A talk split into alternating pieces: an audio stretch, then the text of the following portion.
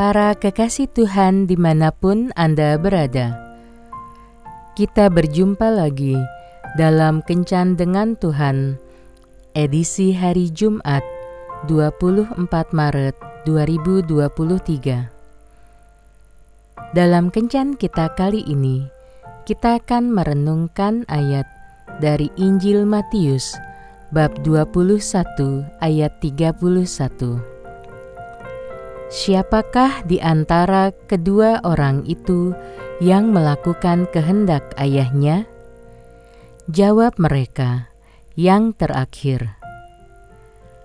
Kata Yesus kepada mereka, "Aku berkata kepadamu, sesungguhnya pemungut-pemungut cukai dan perempuan-perempuan sundal akan mendahului kamu masuk ke dalam kerajaan Allah." Para sahabat kencan dengan Tuhan. Seorang ayah mempunyai dua orang anak dengan karakter yang berbeda. Anak yang sulung selalu berkata "ya" pada perintah-perintah sang ayah, tetapi anak yang bungsu sering kali menjawab "tidak" pada perintah-perintah sang ayah. Suatu hari sang ayah berkata kepada si sulung, "Anakku, pergi dan bekerjalah hari ini di kebun anggur kita." Anak sulung itu menjawab, "Ya, Bapa."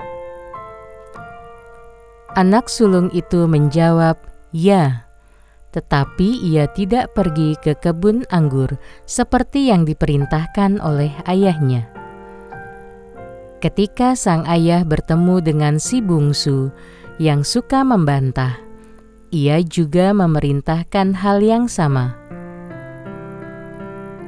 Dari bibir si bungsu, sang ayah mendengar jawaban, "Aku tidak mau."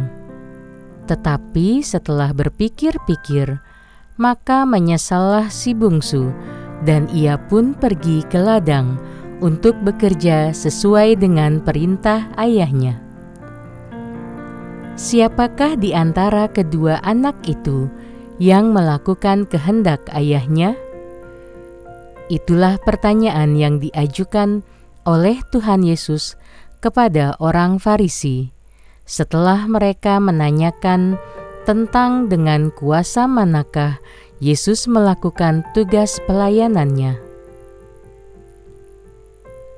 Selanjutnya, Tuhan Yesus memperbandingkan mereka dengan orang-orang berdosa, seperti pemungut-pemungut cukai dan perempuan-perempuan sundal. Kalimat yang diucapkan Tuhan Yesus itu berbunyi, "Aku berkata kepadamu, sesungguhnya pemungut-pemungut cukai dan perempuan-perempuan sundal." akan mendahului kamu masuk ke dalam kerajaan Allah. Sebab Yohanes datang untuk menunjukkan jalan kebenaran kepadamu, dan kamu tidak percaya kepadanya. Tetapi pemungut-pemungut cukai dan perempuan-perempuan sundal percaya kepadanya. Dan meskipun kamu melihatnya, tetapi kemudian kamu tidak menyesal dan kamu tidak juga percaya kepadanya. Mengapa Yesus membenarkan pemungut-pemungut cukai dan perempuan-perempuan sundal daripada orang-orang Farisi? Apa yang membuat pemungut-pemungut cukai dan perempuan-perempuan sundal itu lebih layak daripada orang Farisi? Karena pemungut cukai dan perempuan-perempuan sundal mau percaya dan bertobat setelah mendengarkan apa yang dikatakan oleh Yesus, sekalipun tadinya mereka adalah pemberontak-pemberontak. Sebaliknya, orang Farisi selalu menanyakan sesuatu kepada Yesus Sepertinya mereka sungguh haus akan firman Tuhan, tetapi sebenarnya mereka hanya sekedar ingin menguji, menjebak, dan menjatuhkan Tuhan Yesus. Ketika orang Farisi mendengar firman Tuhan, mereka tidak mau bertobat. Mari kita introspeksi diri kita masing-masing. Bagaimana sikap hati kita ketika kita membaca atau mendengar firman Tuhan?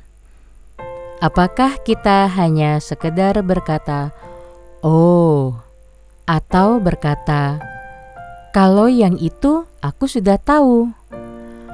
Atau apakah kita memberikan respon serta mengambil tindakan untuk bertobat ketika ditegur oleh firman Tuhan?